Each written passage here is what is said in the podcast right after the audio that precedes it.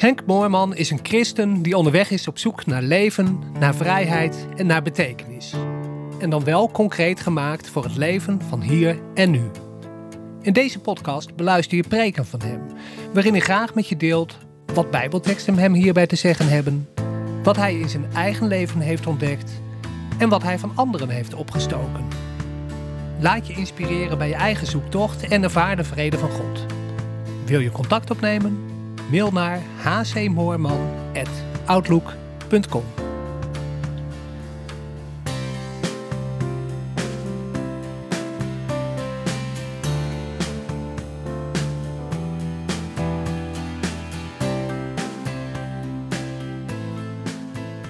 Ik begin met een stukje te lezen uit Matthäus. Matthäus 5, heel bekend stukje. Als je het hoort zeg je, oh ja, ik ken het waarschijnlijk zo ongeveer uit mijn hoofd. De zaligsprekingen. Jezus die gaat de berg op, zijn discipelen komen, hij zet zich neer, opent zijn mond en leerde hen, zeggende, zalig de armen van geest, want van hun is het koninkrijk van God. Uh, der hemelen, moet ik zeggen, het koninkrijk der hemelen. Uh, en in andere vertalingen staat zalig uh, de nederigen van hart in plaats van armen van geest. Het hangt een beetje vanaf welke vertaling je pakt, maar uh, zalig die treuren, want zij zullen vertroost worden. Zalig de zachtmoedigen, want zij zullen de aarde beërven. Zalig die hongeren en dorsten naar de gerechtigheid, want zij zullen verzadigd worden. Zalig de barmhartigen, want hun zal barmhartigheid geschieden. Zalig de reinen van hart, want zij zullen God zien. Zalig de vredestichters, want zij zullen kinderen van God genoemd worden. Zalig de vervolgden om der gerechtigheid wil, want hunner is het koninkrijk der hemelen. Zalig ben je wanneer men u smaadt en vervolgt en liegende allerlei kwaad van u spreekt, om mijnentwil. Verblijd u en verheugt u, want uw loon is groot in de hemelen, want alzo hebben de profeten, hebben zij de profeten voor u vervolgd. Je zou kunnen zeggen, dit is het begin van Jezus optreden eigenlijk, de bergreden. En het allereerste wat hij zegt, hij zet zich neer en hij begint tot zijn discipelen te spreken. En dan, dan brengt hij dit. Ja, tegenwoordig zouden ze zeggen, het is een soort mission statement. Hè, van wat is mijn missie? Waar ben ik voor gekomen? Wat ga ik doen? Hiervoor dus. Het is een, ik zou zeggen, een soort solidariteitsverklaring en een oorlogsverklaring in één. Want hier staat wel iemand op voor de armen van geest, voor de nederige van hart, voor de barmhartigen, voor degene die treuren, voor, nou, voor al die mensen die daar genoemd zijn. Iemand die voor hen opstaat, die voor hen opkomt, uh, die zich met hen, uh, ja, vereenzelvigt zou je kunnen zeggen. Het punt is denk ik wel eens, af en toe zijn dit soort woorden bij ons zo, nou, ik weet niet of ik moet zeggen sleets geworden, maar zo in je gehoor ingesleten dat je denkt, oh ja, ja, ja, nee, ja, zo was het. Ja, ja, dat komt me bekend voor allemaal, ja. Maar het was een gongslag in de geestelijke wereld hoor, dat Jezus dit zei. Um, want het stond haaks op, ik zal maar zeggen, wat gangbaar was. Hoe het normaal ging in de wereld, zoals mensen dat ondervonden. Um, het tegenovergestelde, ik weet niet of dat ooit zo op dezelfde manier als zaligspreking is opgeschreven. Maar je zou het daartegen kunnen afzetten en die zouden dan, ik heb maar wat bedacht hoor, ongeveer hebben klink, kunnen klinken als volgt. Wee de nederigen van hart, de armen van geest, want zij zullen altijd aan het kortste eind trekken. Het is sneu voor de treurenden, maar men zal het gelaat van hen afwenden. Helaas voor de zachtmoedigen, men zal in hen een gemakkelijk slachtoffer zien. Jammer voor wie hongeren en dorsten naar gerechtigheid, want ze zullen met lege handen blijven staan. Wee de barmhartigen, ze zullen het onderspit delven tegen het recht van de sterkste. Heel beroerd voor wie zuiver van hart is, want zij zullen als wereldvreemd worden weggehoond. Ach, de vredestichters, ze zullen het altijd afleggen tegen wie verdelen en heersen. Wee de vervolgden om der gerechtigheidswil, zij zijn de eeuwige verliezers. Dat is eigenlijk zoals het gaat in de wereld. Waarom? Ja, omdat er een overste is van deze wereld die zo in elkaar zit. Van wie dat de gezindheid is, de instelling zou je kunnen zeggen. Zo werkt de boze, zo werkt Gods tegenstander. Uh, en je kunt dat heel goed zien in uh, Jezaja 14. Ik zal er een stukje van voorlezen. Uh, dat gaat over Gods tegenstander, Jezaja 14, vers 3. Het zal geschieden ten dagen wanneer de Heer u rust geeft van uw smart en van uw onrust en van de harde dienst die men u heeft laten verrichten, dat gij dit spotlied op de koning van Babel zult aanheffen. Hoe heeft de drijver, dat is die koning van Babel, hè, hoe heeft die drijver opgehouden? Opgehouden is de verdrukking. De Heer heeft de stok der goddelozen verbroken, de scepter der heersers die in verbolgenheid zonder ophouden naties sloeg, die in toren volken vertrad in, in meedogenloze vervolging. Die is dus gevallen, hè, want daar gaat het over. Nu heeft de hele aarde rust, is stil, men breekt uit in gejubel. Zelfs de cipressen verheugen zich over de ceders van de, eh, zelfs de cipressen verheugen zich over u, de ceders van de Libanon. Sinds gij neerligt, klimt niemand naar ons op om ons te vellen, om ons naar beneden te halen. Het dodenrijk beneden is over u in beroering om bij uw komst u te ontmoeten. Vers 12. Hoe ben jij uit de hemel gevallen, jij morgenster, zoon des dageraads? Hoe ben je ter aarde geveld, overweldiger der volken? En je overlegde nog wel, ik zal ten hemel opstijgen, boven de sterren van God mijn troon oprichten en zetelen op de berg de samenkomst ver in het noorden. Ik wil opstijgen boven de hoogte der wolken, mij aan de Allerhoogste gelijkstellen. Integendeel, in het dodenrijk ben je neergeworpen in de diepste van de groeven. Hier komt eigenlijk heel scherp het wezen van de, van de boze naar boven. Ik wil mij verheffen. Boven de hoogte der wolken, boven de sterren gods wil ik mij verheffen. Ik wil mezelf gelijkstellen aan de Allerhoogste. Nou, Corrie begin al, begon al met het, hoe zit het nou? Verheven zijn. Verheven boven alles. En wat betekent dat dan? Nou, voor eh, deze geesten betekent dat dat je de knoet erover legt. Uh, dat je wat zwak is, uh, vernedert. En Babel, dat zie je hier, dat staat voor het rijk. Dat functioneert volgens die principes. Het gaat over de koning van Babel. Zeg maar rustig Gods tegenstander, de boze. Uh, die werkt volgens deze principes. Het eerste principe is macht. Ik ben sterker, ik ben meer en dus kan ik een ander, kan ik jou mijn wil opleggen. Kan ik jou eronder houden. Het werkt ook met jezelf een naam maken. Hè? Als die mensen daar in Babel uh, een stad gaan bouwen, waarvan Nimrod hè, de grondlegger is, de eerste machthebber in ter wereld, zegt de Bijbel. Als ze die stad gaan bouwen, eh, dan zeggen ze laten we onze naam maken.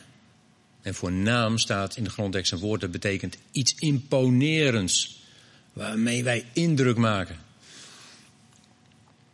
Iets wat imponeert. Uh, het werkt volgens het principe van je verheffen. Wat gaan ze doen in Babel? Uh, daar worden torens gebouwd. Hè? Want zo kun je je verheffen. Zo kom je omhoog. Laat ons een toren bouwen waarvan de top tot in de hemel rijk staat er. Ja, de top, dus de elite, die zit altijd in de hemel. Die zit altijd daar helemaal boven. En die zegt, wij zien, wij schouwen dingen waar jullie geen uh, idee van hebben, gewone mensen. Dus luister naar ons. Jullie moeten doen wat wij zeggen. Dat is Babel. Macht uitoefenen vanuit dat topje daar in de hemel. Ja, omdat je jezelf een hele bijzondere positie gecreëerd hebt. Nou, uh, de Roomse kerk is een mooi voorbeeld. Dat zit als één machtsbolwerk in elkaar. En daar helemaal boven staat iemand die ook nog van zichzelf bedacht heeft dat hij onfeilbaar is als het om leeruitspraken gaat. En de rest moet gewoon doen wat hij zegt. Maar ja, uh, kijk even naar uh, evangelische kringen. Laten we het maar even dicht bij huis halen. Hè? Allerlei pinkster en volle evangeliekringen. Daar heb je toch in heel veel gevallen ook een soort piramide met een topje waarvan de top zelf zegt: wij zitten in de hemel, wij zien het. En ja, ja het gewone volk dat moet maar naar ons luisteren. Ja, wij zijn onfeilbaar. Ja, dat zeggen ze natuurlijk niet. Ze zeggen van wij zijn door God aangesteld. En God heeft ons duidelijk gemaakt dat. En dus luister maar naar ons. En als je het niet doet, dan uh, is er hier geen plaats voor jou. Dat is wel het principe van Babel hoor. Ja, dat mag je rustig scherp neerzetten. Dat hele denken dat zit vol met hoger en lager, met meer en minder. Uh, met neerzien op, met minachten, met schamper doen over, met kleineren, met overheersen, met verdrukken, met. Nou, als een beer die zegt van ja, als ik mij mens wil zijn en uh, wil zijn wie ik ben, dan wat ervaar ik dat. Ga jij maar snel weer terug in je hok. Naar beneden. Ja. Dat is wat je daar tegenkomt. Ik noem het maar het etagedenken. Altijd in lagen. En je komt het zoveel tegen die. Ik zal het nou niet uitwerken, maar die hele Joodse samenleving zat zo in elkaar ook. Hè?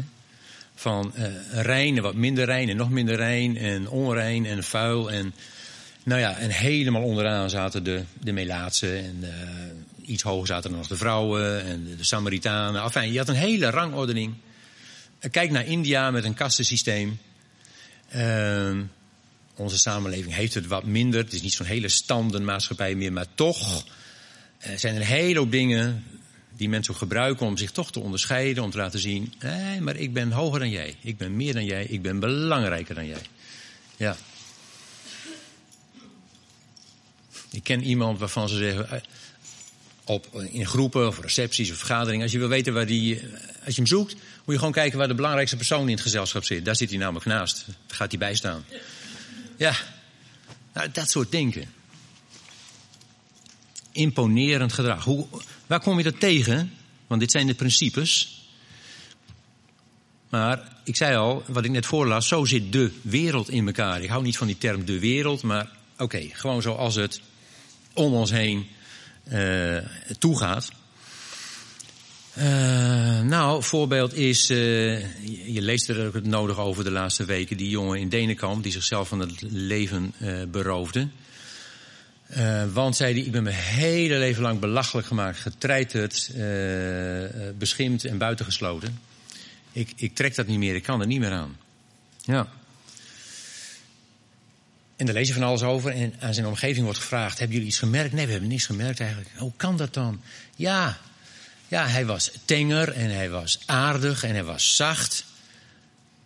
En oh ja, natuurlijk. Ja, die ga je pesten. Dat is, ja, die is zwak, die pak je. Nou, dat is het principe van de boze. Hè? Alles wat zwak is, dat moet naar beneden. Dat moet klein gemaakt, dat moet liefst het leven uit. Pesten. En dat gaat heel subtiel hoor. Ja, het gaat heel subtiel. Wat zwak is, wordt gepakt. Zelfs omgekeerd, hè? Misschien heb je zelf wel meegemaakt dat je in de tijd dat je op school zat, dat leraren werden gepest. Welke leraar wordt gepest? Dat is altijd degene die geen verweer heeft. Ja.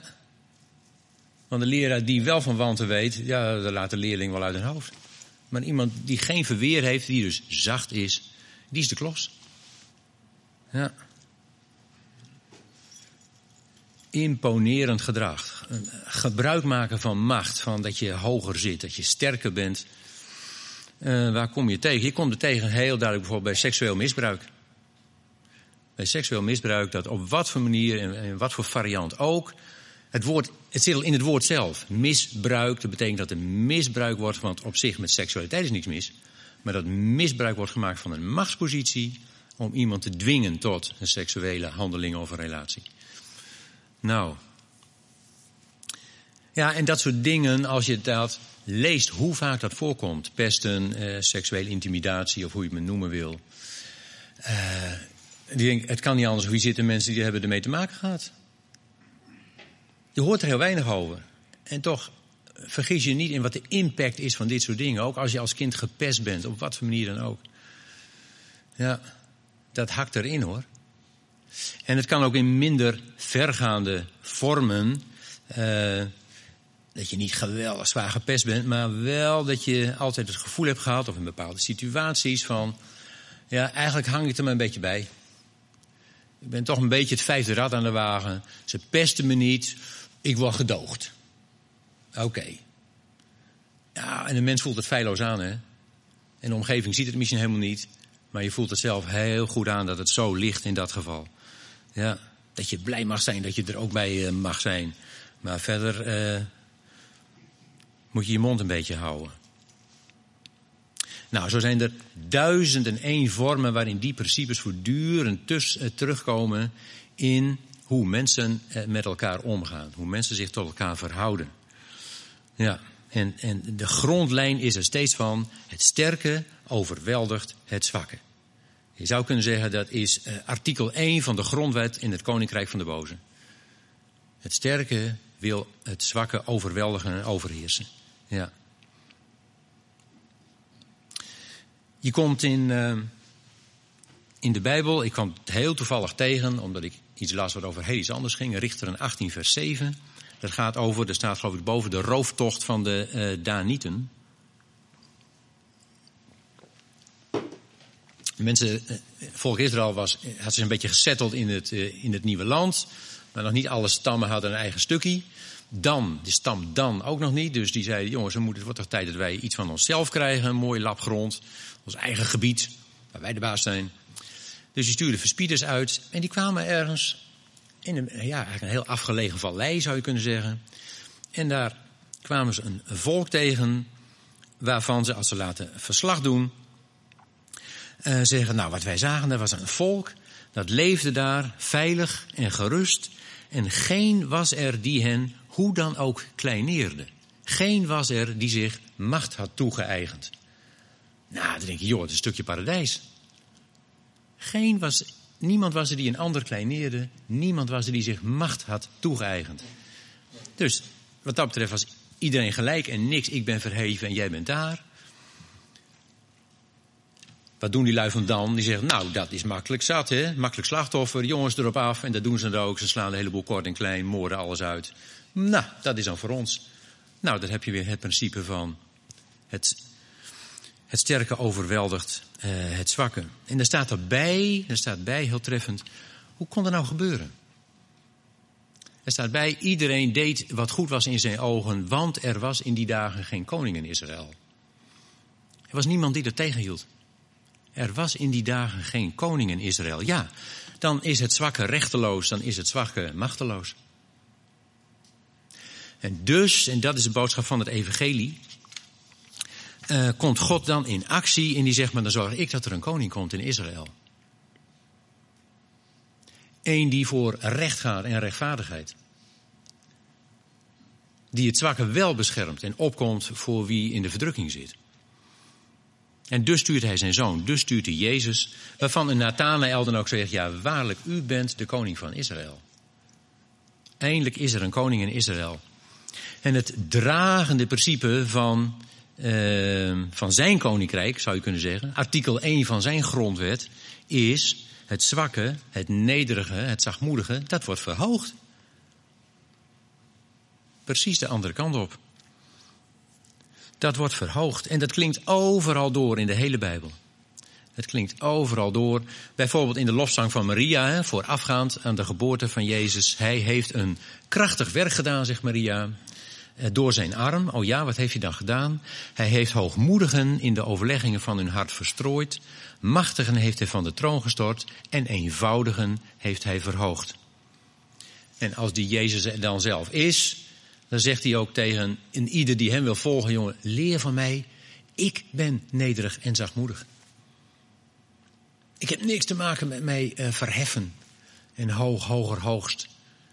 Machtiger, machtiger, nog machtiger. Daar heb ik niks mee.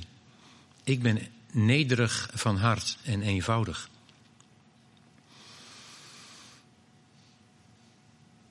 Heel veel eerder zegt God zelf al, weet je waar ik woon? Ja, ik woon in Den Hoge, zegt hij, maar ik woon ook bij de verbrijzelde van geest.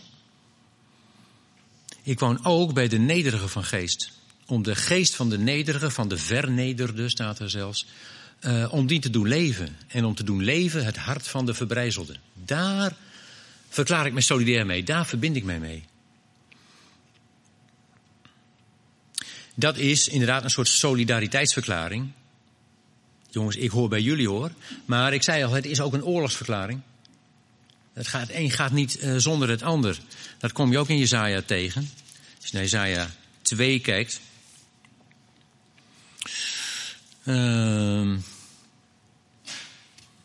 Dus even kijken in Jezaja 2 vers 10.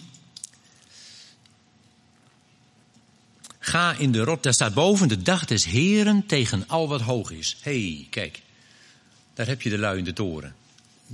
De dag des Heren tegen al wat hoog is. Ga in de rotskloven en verberg u in de grond voor de verschrikkingen des Heren, voor de luister van zijn majesteit. Is God dan zo'n verschrikking? Ja, wel voor wie hoog wil zijn. Want dat verdraagt zich gewoon niet. De verwaten ogen, verwaten is hooghartig, hè? dat is een oud woord. De verwaten ogen der mensen worden vernederd en de trots der mannen wordt neergebogen en de Heer alleen is te die dagen verheven. Want er is een dag van de Heer der Heerscharen tegen al wat hoogmoedig is en trots. Tegen al wat zich verheft opdat het vernederd worden. Tegen alle trotse en hoge ceders van de Libanon en alle eiken van Bazan. Tegen alle trotse bergen en alle hoge heuvels. Tegen elke hoge toren en elke steile muur. Nou, daar heb je die toren weer. De dag des Heren tegen al wat zich wil verheffen. En als je die, ik weet niet, heb ik dat net gelezen in dat andere stukje? God zegt daar, ik zal, nou ik pak maar even vers 22 van hoofdstuk 14. Zo sta ik tegen hen op. He, dat zijn die geweldenaars, sluit het woord des Heren. En ik roei uit van Babel eh, naam en rest, telg en spruit, luidt het woord des Heren. Ik zal het maken tot een bezit van roerdompen, tot waterpoelen. Ik zal het wegbezemen met de bezem der verdelging, luidt het woord van de Heer der Heerscharen. Dat bedoelde ik inderdaad. Die, dat is niet van, nou ja, we gaan er eens iets tegenover stellen. Dat is, we gaan, het is nou echt afgelopen, hè. We gaan die hele handel uitroeien. Met, wat stond hier? Naam en telg. Naam en rest, telg en spruit. Wortel en tak zou je kunnen zeggen. En wegbezemen. Weg die hele handel. Nou, dat is inderdaad wel een oorlogsverklaring van de vader aan al wat zich verheft. Hè? Ja. Aan alles wat trots is, aan de verwaten ogen.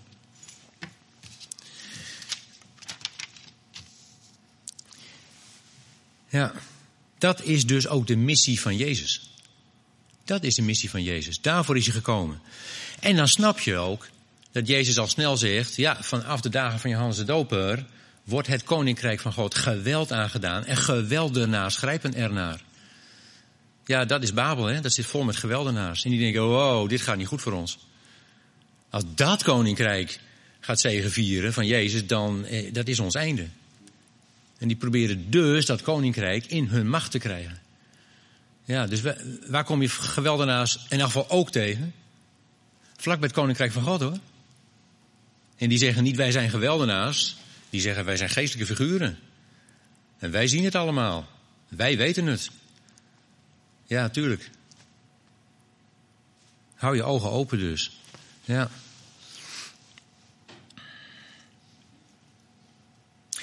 En je ziet ook, wat is het gevolg geweest voor, voor deze Jezus, die dit koninkrijk heeft gebracht, dat hij zelf tot in uiterste consequentie heeft ondergaan het lot ja, wat naar de wereld gerekend bestemd was voor de zachtmoedigen en voor de treurenden en voor de, uh, de vredestichters. want als hij het op zijn treurigst heeft en zo benauwd heeft dat hij zelfs bloed zweet, ja, dan verbergt iedereen het gezicht voor hem en zelfs zijn vrienden laten hem in de steek. En uh, als hij daar ja, uh, aan het kruis hangt, dan wordt hij weggehoond als een wereldvreemde naïveling. Joh, anderen heb je geholpen. Nou, kom nou zelf eens van het kruis af. Dat lot heeft hij ondergaan, opdat ons dat lot bespaard zou blijven. Om in ons lot een keer te brengen. Dat het niet meer naar de uh, orde van de wereld zou gaan, naar de wetten van Gods tegenstander, maar naar de wetten van het koninkrijk van God in ons leven opdat wij zouden ontkomen. En ooit heeft, neem ik aan, iedereen hier tegen de Heer gezegd, tegen Jezus gezegd, Heer, ik wil u volgen. Uh, en dus is, denk ik, de vraag van hem nog steeds van, ga je nog met me mee? Doe je met me mee? Want dit kan ik niet alleen. Dit kan ik niet alleen. Nou, en als je zegt, ja, Heer, ik wil met u meedoen, ik wil met u meegaan, ik wil u meehelpen, dan is de eerste uitnodiging, opdracht, hoe je het noemen wil, trek uit Babel. Zegt de Bijbel. Ga uit Babel. Opdat je geen gemeenschap hebt met haar zonde, opdat je geen deel hebt aan haar plagen. Nou, en 40 jaar geleden zeiden de mensen het volle evangelie...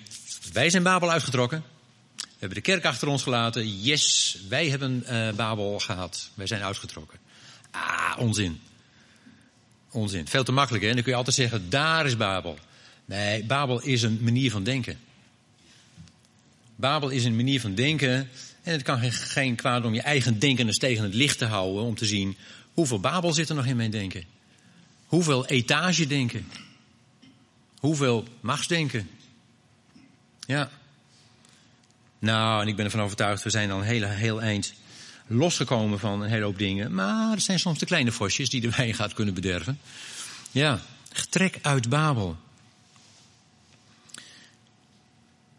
Maak en laat die manier van denken los, die maakt dat je op een of andere manier uh, geringer denkt over anderen. Dat je denkt, nou, die ziet het geestelijk toch niet zo scherp. Die kunnen we toch niet helemaal voor volrekenen, hè? bijvoorbeeld. Het zijn maar hele kleine dingen. Een ander, ja, toch op een of andere manier neerzien op een ander. Dat je zegt, nou, die zie je ook niet zoveel in de gemeente. Komt niet zo vaak, dus is toch een beetje een randfiguur. Dus die is, uh, wow, een beetje tweede, tweede rangs, derde rangs misschien. Ik weet niet hoeveel rangen we in de gemeente hebben dan. Hè? Maar dat gevoel hè, van toch ook een soort geestelijke pikorde. Waar je ergens jezelf in plaats en anderen in plaats. En denkt, nou, wow, ik zit aardig daar. En zit een heel stel onder mij, dus zit wel goed. Wow. Ja. Babel in je eigen denken. Kan hè. Het zijn soms onnozele dingen. Of iemand die iemand pusht. Ik, zeg, eigenlijk, ik vind eigenlijk dat hij die kant op moet. Laat ik nou een beetje duwen, een beetje trekken. Manipuleren misschien. Dan probeer je macht uit te oefenen. Ja, maar het is voor zijn eigen bestwil. Ja, maar je bent wel macht aan het uitoefenen. Iemand respectloos behandelen. Gewoon kleineren. Iemand snel wegzetten van, uh, ja, ach joh, ach, je hebt ook een keer een concurrentie opengeslagen. Nou, fijn hoor, maar ja, daar gaan we niet al te veel van verwachten natuurlijk. Wat weet jij nou helemaal? Heb jij ervoor doorgeleerd? Eh, een ander niet erkennen als iemand die ook zelf door Gods geest geleid wordt. Als ik dat doe, dan verhef ik mij boven die ander. Ja, en dan komt misschien iets uit waarvan ik zeg, nou, zou er bij mij niet uitgekomen zijn? Eh, Oké, maar hij is uh, mij niet en omgekeerd. En bovendien ben ik de maat van de dingen? Nee, natuurlijk niet. Nee. Joh, bij God is er zoveel ruimte, zoveel variatie en variëteit. Geweldig. Respectloos behandelen. Over iemand heen walsen. Ja, kom je wel eens tegen. Dat je ja, iemand ontmoet waarvan je denkt... Ik kan twee woorden zeggen en wop, daarna komt een heel verhaal en dan probeer ik nog één woord te zeggen, maar daarna ben ik al helemaal plat van het volgende verhaal en nou, ik kan beter maar weggaan, want gewoon over mensen heen walsen. Is het allemaal babel, want dat klinkt zo zwaar, hè? Ja, maar het heeft te maken met een bepaalde manier van denken die niet bij het koninkrijk van God past. En wel bij het andere koninkrijk. Uh, snel mijn oordeel klaar hebben. Hoort daar ook bij. Snel je oordeel klaar hebben. Dat je zegt, nou, die ziet, het, die ziet er gewoon niet echt slim uit hoor. Gewoon op uiterlijk afgaan en al meteen een pats, een oordeel hebben. Ja.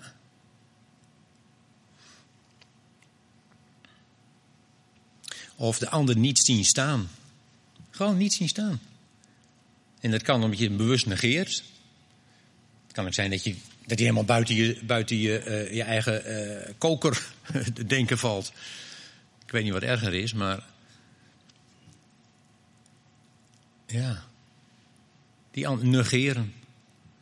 Alsof, alsof hij er niet is. Ja. Laat dat denken alsjeblieft los. Over, uh, over andersdenkenden of over ongelovigen. Uh, uh, die een beetje zien als ja, toch een soort gemankeerd soort mensen. Want ja, ze denken toch heel anders dan wij. Of ze, geloven zelfs niet eens, joh. Dat is toch een, van een andere, lagere rang of zo. Niet doen. Niet doen. Voor God is echt iedereen uh, even belangrijk. Hij houdt van iedereen evenveel. Daar zit geen verschil in. En ik weet best dat God tegen degenen die hun leven met hem delen zeggen: Joh, maar jij bent de mens van mijn welbehagen. Zeker. Maar voor Gods liefde maakt dat geen verschil. Ja, dat moet je goed uit elkaar houden.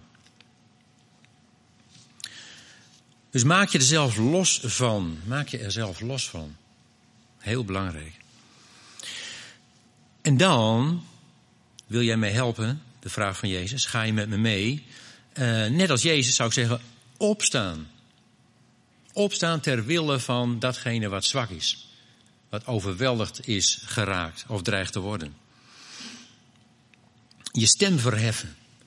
Voor degenen die zelf geen stem meer heffen, he, geen, geen stem meer hebben. Uh, de norm stellen. Welke norm?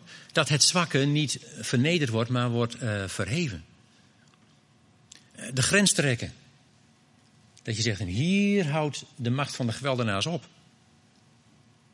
Hier stopt het, dit pikken we niet. Dat is nodig, wil dit koninkrijk ooit komen, hè? Ja. En wat heel wezenlijk is dan, is, ik noem het maar, het groepseffect doorbreken. Want je ziet zo, zoveel voorbeelden, ach, en er is ook een hoop onderzoek al naar gedaan, dat in een groep, als in een groep geaccepteerd wordt uh, dat bijvoorbeeld iemand gepest wordt, dan is het heel moeilijk voor één om te zeggen: Ik doe niet mee, ik vind ook dat dit fout is en ik ga naast degene staan die gepest wordt. Op een of andere manier is daar heel veel moed voor nodig. In, in een groep, uh, de conducteur wordt in, in de coupé uh, gewelddadig bejegend en toegesproken door iemand die, die fout wil.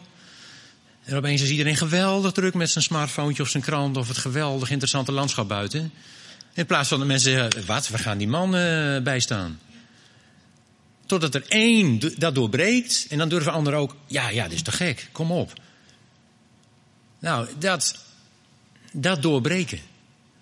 En daar is best moed voor nodig, want de angst is natuurlijk van, ja, zodra ik mij aan de kant schaar van degene die gepest wordt of bedreigd wordt, dan ben ik zelf de pineut. Dan ben ik het mikpunt. Of dan gaan ze op mij inhakken. Ja.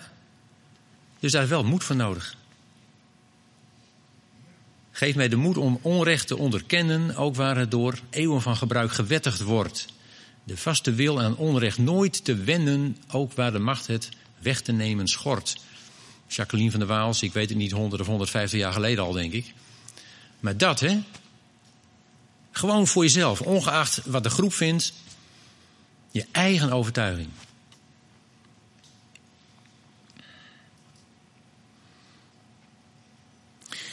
Ja, dus opkomen voor je verbinden met, ik zou maar zeggen, solidariseren met iemand die, nou ja, zwak is, niet in aanzien is. Want dat is wat je Jezus ziet doen, hè? Ook misschien wel juist zich verbinden met de mensen die door alle anderen met de nek werden aangekeken waar alle anderen zich ver boven verheven voelden. Ja, daar gaat hij ook mee om hoor. Met mensen die zich ver boven iedereen verheven voelen. Maar ook en juist denk ik met de mensen ja, die daar aan die onderkant zitten. Dat is zijn wezen, dat is de grondtoon van zijn koninkrijk. Ja. De dag des Heren, de dag tegen al wat zich verheft, die kompas, ben ik van overtuigd, als wij ook opstaan tegen wat al wat zich verheft. En opkomen voor al wat verdrukt en vernederd wordt. Dus, zou ik zeggen, wie doet er mee? Amen. We gaan bidden. Vader, dank u voor uw koninkrijk. Voor uw principes. En Heer Jezus, wat ben ik blij dat u dat heeft voorgeleefd en doorleefd. Dat u dat lot heeft willen ondergaan, opdat u daarna voor ieder ander daar een keer in kon brengen in dat lot. Zodat wat zwak is niet langer verdrukt en vernederd wordt, maar verhoogd. Nou Heer, dank u dat u ons helpt om onszelf daar ook helemaal rein van te maken van dat denken. Eh, zodat we echt in elk opzicht met u mee kunnen gaan. Amen.